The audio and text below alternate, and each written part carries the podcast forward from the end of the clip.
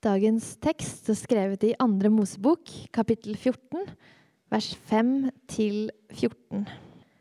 Da egypterkongen fikk melding om at folk hadde flyktet, kom han og tjenerne hans på andre tanker om folket. Hva er det vi har gjort? sa de. Vi lot israelittene dra fra slavearbeidet hos oss. Så spente han for vognen sin og tok hæren med seg. Han tok 600 av de beste vognene og hva som ellers fantes av vogner i hele Egypt, og offiserere til hver av dem. For Herren hadde gjort hjertet til farao, eh, kongen i Egypt, ubøyelig. Så han satte etter israelittene. Men israelittene dro ut med løftet hånd. Egypterne satte etter dem med alle vognene, hestene og rytterne, hele faraos hær. De nådde dem igjen ved Pi-har Harirot. Der lå de i leir ved havet foran Bal Safron. Da farao nærmet seg, så israelittene opp og fikk øye på egypterne som kom etter dem. De ble grepet av stor frykt og ropte til Herren. De sa til Moses, fantes det ikke graver nok i Egypt, siden du har ført oss ut i ørkenen for å dø? Hvorfor har du gjort dette mot oss? Hvorfor førte du oss ut av Egypt? Var det ikke det vi sa til deg her i Egypt, la oss være i fred, vi vil arbeide for egypterne. Det er bedre for oss å arbeide for dem enn å dø her i ørkenen. Da sa Moses til folket, Vær ikke redde. Stå fast, så skal dere se at Herren frelser dere i dag. For slik som dere ser egypterne i dag, skal dere aldri se dem mer. Herren skal stride for dere og dere skal være stille.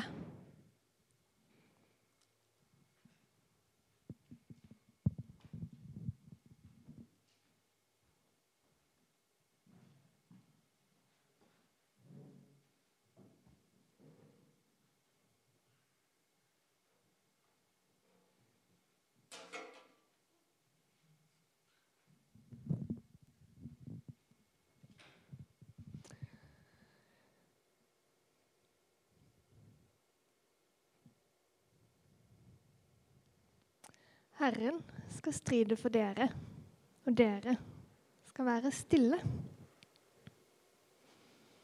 Stille. Jeg heter Camilla, og jeg går her i Bjølsen til vanlig. Eh, og midt i all støyen i livet mitt så er jeg blitt det jeg kaller for en stillhetsjunkie. Mer om det seinere. Før vi setter ordentlig i gang, så ber jeg litt. Himmelske Far, takk for at du er her nå, midt iblant oss. Takk for at du møter oss i vår kaotiske hverdag og i vår stillhet. Jeg ber om at vi kan få stilne inni oss nå, og at du kan få tale til oss sånn som vi trenger det. Amen.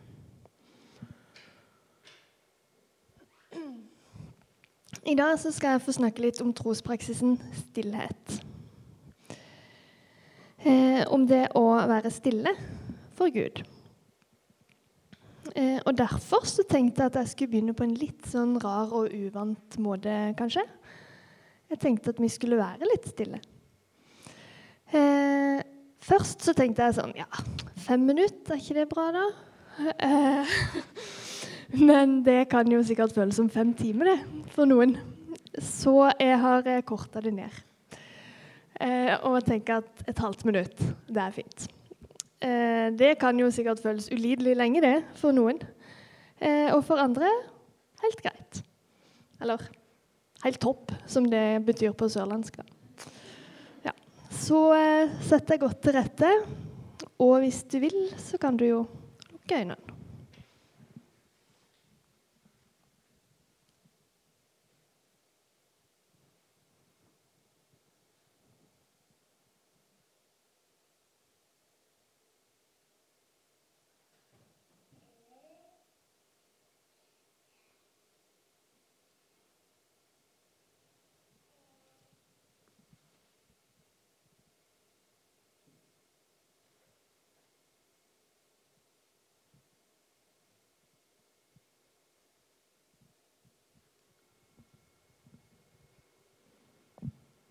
Ja Åssen var det? Det er ikke så mye stillhet i våre liv. Eller ja. Jeg kan jo snakke for meg sjøl, da. Men i min hverdag så er det mye lyd. Eh, enten lydinput som jeg velger sjøl, av musikk eller podkast eller TV eller folk jeg snakker med, eller det er lyder rundt meg hele tida omtrent. Det er folk som prater på T-banen, det er trafikkstøy, det er musikk på kjøpesenteret. Det er noe. Eh, og ofte så er det mange visuelle inntrykk som følger med. Eh, eller så er det bare visuelle inntrykk. Kanskje et eller annet jeg ser på, jeg scroller på mobilen, det er noe Instagram, det er et eller annet. Vi får input hele tida. Vi fylles opp, vi fyller på, og vi gjør ikke en eneste liten innsats for det. Det bare kommer. Eh, vi lever i en verden hvor det er en stadig strøm av informasjon og inntrykk. Men gjør det noe, da? Hvorfor skal jeg aktivt velge å slå av lydene og inntrykkene rundt meg? Jeg tror at det er noe å hente i stillheten som vi ikke får hvis vi ikke på en måte hindrer oss sjøl i en stadig input. Og jeg tror at i en verden som vår, så må vi aktivt velge stillheten. Jeg har som sagt blitt en uh, stillhetsjunkie. Og med det så mener jeg at jeg er avhengig av å ha litt Hva skal man kalle det? da? Litt lomme av stillhet, kanskje. Og at det må ikke gå for lenge mellom hver gang. Jeg blir en veldig rastløs person både på utsida og innsida, kanskje spesielt på innsida, eh, hvis ikke jeg får litt tid og rom til stillhet. Eh, det trenger ikke være ei hel uke eller en helg på retreat. Det kan være bare f.eks. å starte eller avslutte dagen med en kopp kaffe eller te. Og bare sitte der uten å fylle på med noe som helst den tida det tar å drikke den. Eh, det er mange som snakker om viktigheten av å koble av iblant. Mindfulness det er i vinden som aldri før, og det har vært egentlig ganske lenge. Oppmerksomt nærvær, psykologer, den ene etter den andre, kommer med håndbøker i hvordan man skal koble av og la tanke og følelse få lov til å komme til overflaten, og hvorfor det er så viktig for oss å kjenne etter. Jeg syns ikke det er så rart det, at det er flere som kommer fram til at det er viktig. Fordi hvis det er sånn at Gud har skapt oss, så vet vel han bedre enn noen andre eh, hva som er bra for oss, og hva som fungerer i lengden. Bibelen sjøl sier veldig mye om det å søke stillhet. Flere steder i evangelien så kan vi lese at Jesus sjøl trakk seg tilbake til øde steder for å be og for å være aleine. Eh, mange ganger så står det i forbindelse med at han hadde store oppgaver foran seg, eller at han hadde gjort et stort under eller noen store ting. Kanskje var det der han henta styrke og nye krefter. Um, og mange ganger så står det òg eh, en versjon av setning typ Når morgenen grydde, gikk han til et øde sted for å være aleine eller for å be. Og han inviterte disiplene med seg i dette. Og han inviterer òg oss. Nei, nå har jeg bomma. Se her. Han sa til dem, Kom med meg til et øde sted hvor vi kan være alene, og hvil dere litt. I stillheten så gjør eller presterer vi ingenting. Vi bare er en liten stund. Vi får lov til å bare være. Det er ingen forventninger. Det er ingen oppgave. Det er ingen press. Stillheten er god for oss. Det er godt å være stille og vente på hjelp fra Herren, står det i Klagesangene 3.26.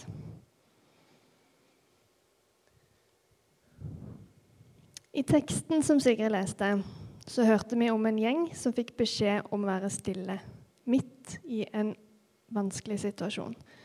Det må ha vært utrolig frustrerende og uforståelig å få en sånn beskjed akkurat da. Israelsfolket hadde vært slave i Egypt i mange mange generasjoner. De visste på en måte ikke noe annet enn hardt slavearbeid. Og nå har Gud satt dem fri. Han har frelst dem fra dette livet i slit og strev og ingen hvile. Og nå er de i ørkenen på vandring mot et nytt og bedre liv. Men så skjer jo det som ikke skulle skje. Sant? Egypterkongen farao som etter mye press fra Gud ga de lov til å reise, har ombestemt seg. Og han sender en hær etter dem. Og der står de, med et hav foran seg. De hadde ikke noe båt eller flåte, eller jeg tror ikke de hadde noe som helst å flyte på. Det kan vi anta ganske sikkert. Og bak seg så hadde de en enorm hær som innhentet de. De kom nærmere og nærmere. Ganske kjip og forferdelig skvis å stå i. En umulig oppgave foran, for stor til å kunne klare. En enorm utfordring bak. En fortid som innhenter dem. En kamp de ikke kan vinne. Hvis jeg hadde stått der i flokken med israelsfolket, så hadde jeg nok følt på veldig mange ting. Garantert hadde jeg følt på hjelpeløshet og uro. Kanskje sinne for det eller for den som hadde fått meg opp i denne, situasjonen. Bekymring. Frykt. Hva skjer nå? Hvor går vi videre herfra? Åssen kommer vi oss videre herfra? Det er en fastlåst situasjon. Det vi ikke har lest, er hva som skjer etterpå. Mange av dere vet det helt sikkert, men jeg vil at dere nå skal tenke at det visste ikke israelsfolket. De ante ikke hva som kom til å skje. De står midt oppi det her, og de ser ingen utvei. Fortvilt og frustrert så klager de til Moses.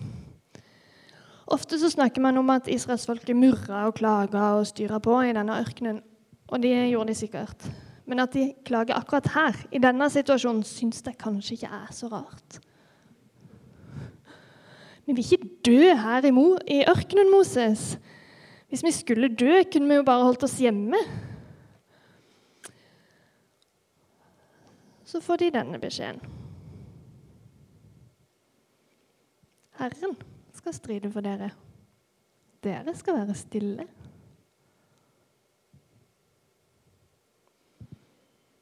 Når man er i fare, eller når livet blir fryktelig tøft, så oppstår det som kalles en akutt stressrespons i oss. Gjør én av tre ting. Vi kjemper. Vi flykter.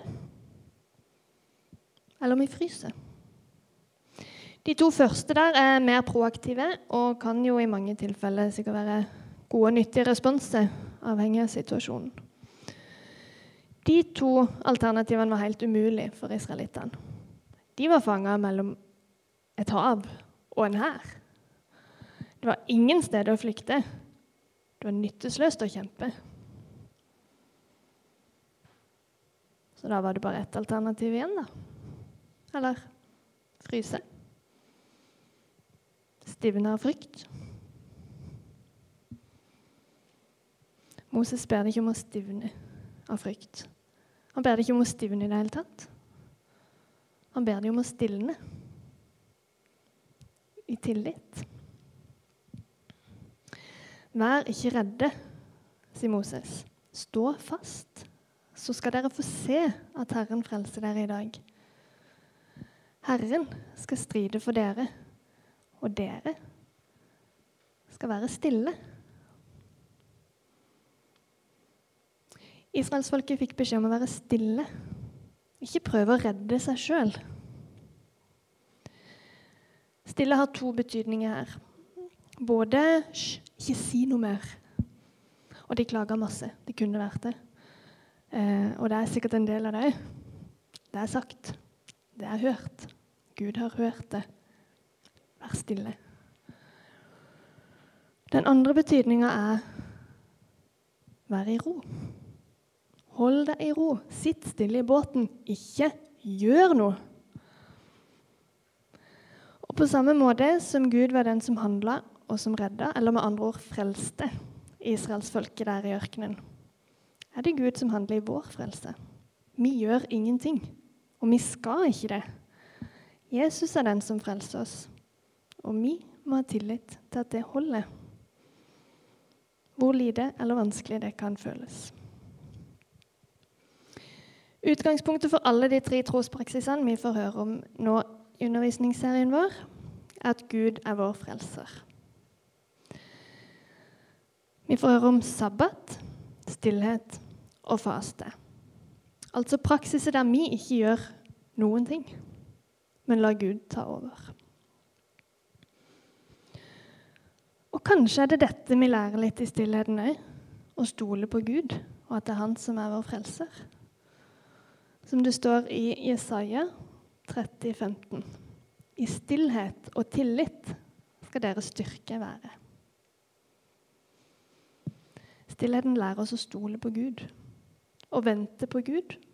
Ikke fikse sjøl, men vente på Gud og på hans timing. Og kanskje handler det om overgivelse. Å gi slipp.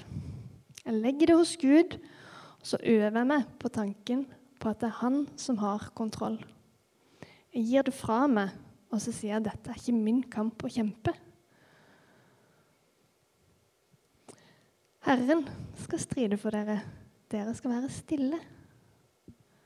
Vent litt. Tror dere det var en behagelig stillhet israelsfolket sto i? Jeg tror ikke det. Eh, en katolsk prest og forfatter av mange bøker jeg gjerne anbefaler, Henry Nowen, har skrevet dette i sin andagsbok 'Du er elsket'. Jeg forkorter det litt her. Først blir vi kanskje bare skremt av stillheten. I stillheten begynner vi å høre mørke stemmer. Stemmer som vår sjalusi og vårt sinne, vår bitterhet, vår smerte og vår tap, avvisning. Disse stemmene er ofte bråkete og brautende. De kan være overdøvende. Vår spontane reaksjon er å flykte fra dem og tilbake til underholdningen. Stillheten oppleves ikke alltid god, og det kan være vanskelig å bli der. Og kanskje skal du ikke det alltid heller, men jeg tror at vi skal det litt oftere enn vi lar oss sjøl få lov til. For igjen det er godt å være stille og vente på hjelp fra Herren, som det står i klagesangene. Men det føles kanskje ikke alltid sånn. sant? Det er ikke nødvendigvis sånn at du blir fylt opp av masse gode følelser idet du skrur av alle lyder og inntrykk rundt deg. Det kan føles helt det motsatte. Men mm, ofte så tror jeg det at vi forveksler det behagelige og det gode. At vi ikke skiller på det, liksom. Fordi noen ganger så kan det gode komme gjennom at vi blir stående i det ubehagelige en stund. Han skriver videre. Men hvis vi blir værende og ikke lar stemmene skremme oss, vil de gradvis miste sin kraft og stille seg i bakgrunnen. Det skaper rom for lysets mykere, mildere stemmer. Fred, godhet, mildhet, vennlighet, glede, håp, tilgivelse og kjærlighet. I begynnelsen kan de virke små og ubetydelige, men de vil bli sterkere om vi fortsetter å lytte.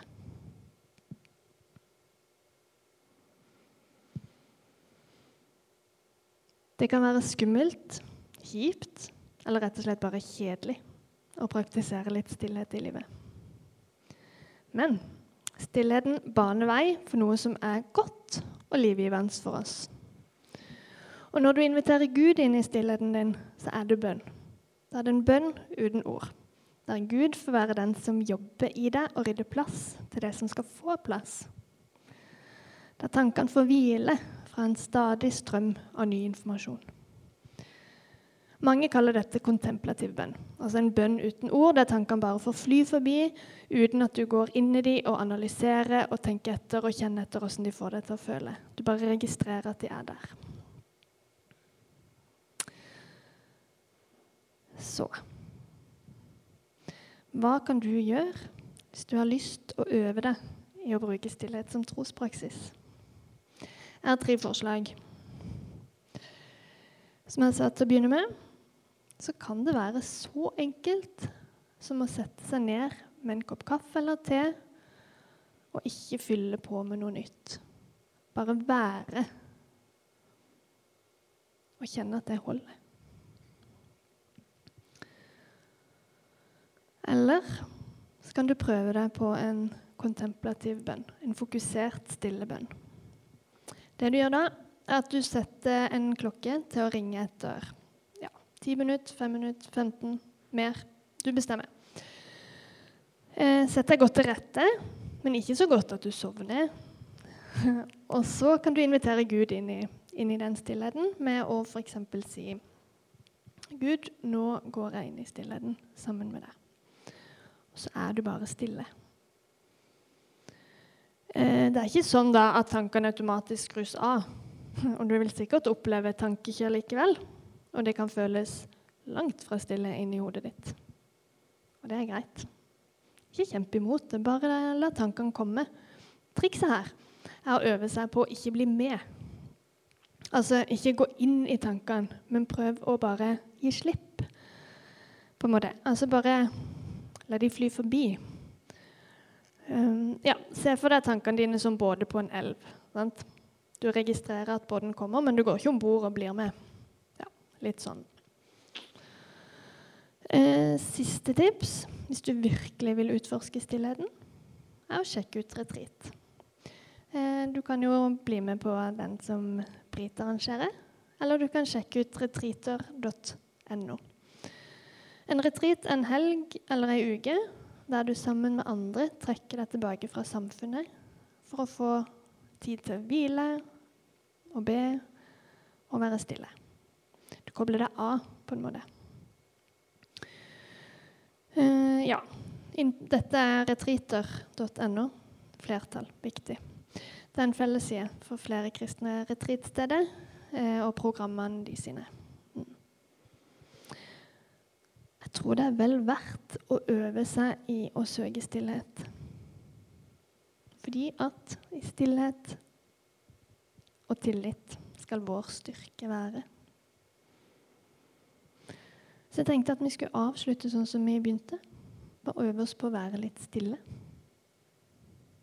Vi tar 30 sekunder en gang til, tror jeg.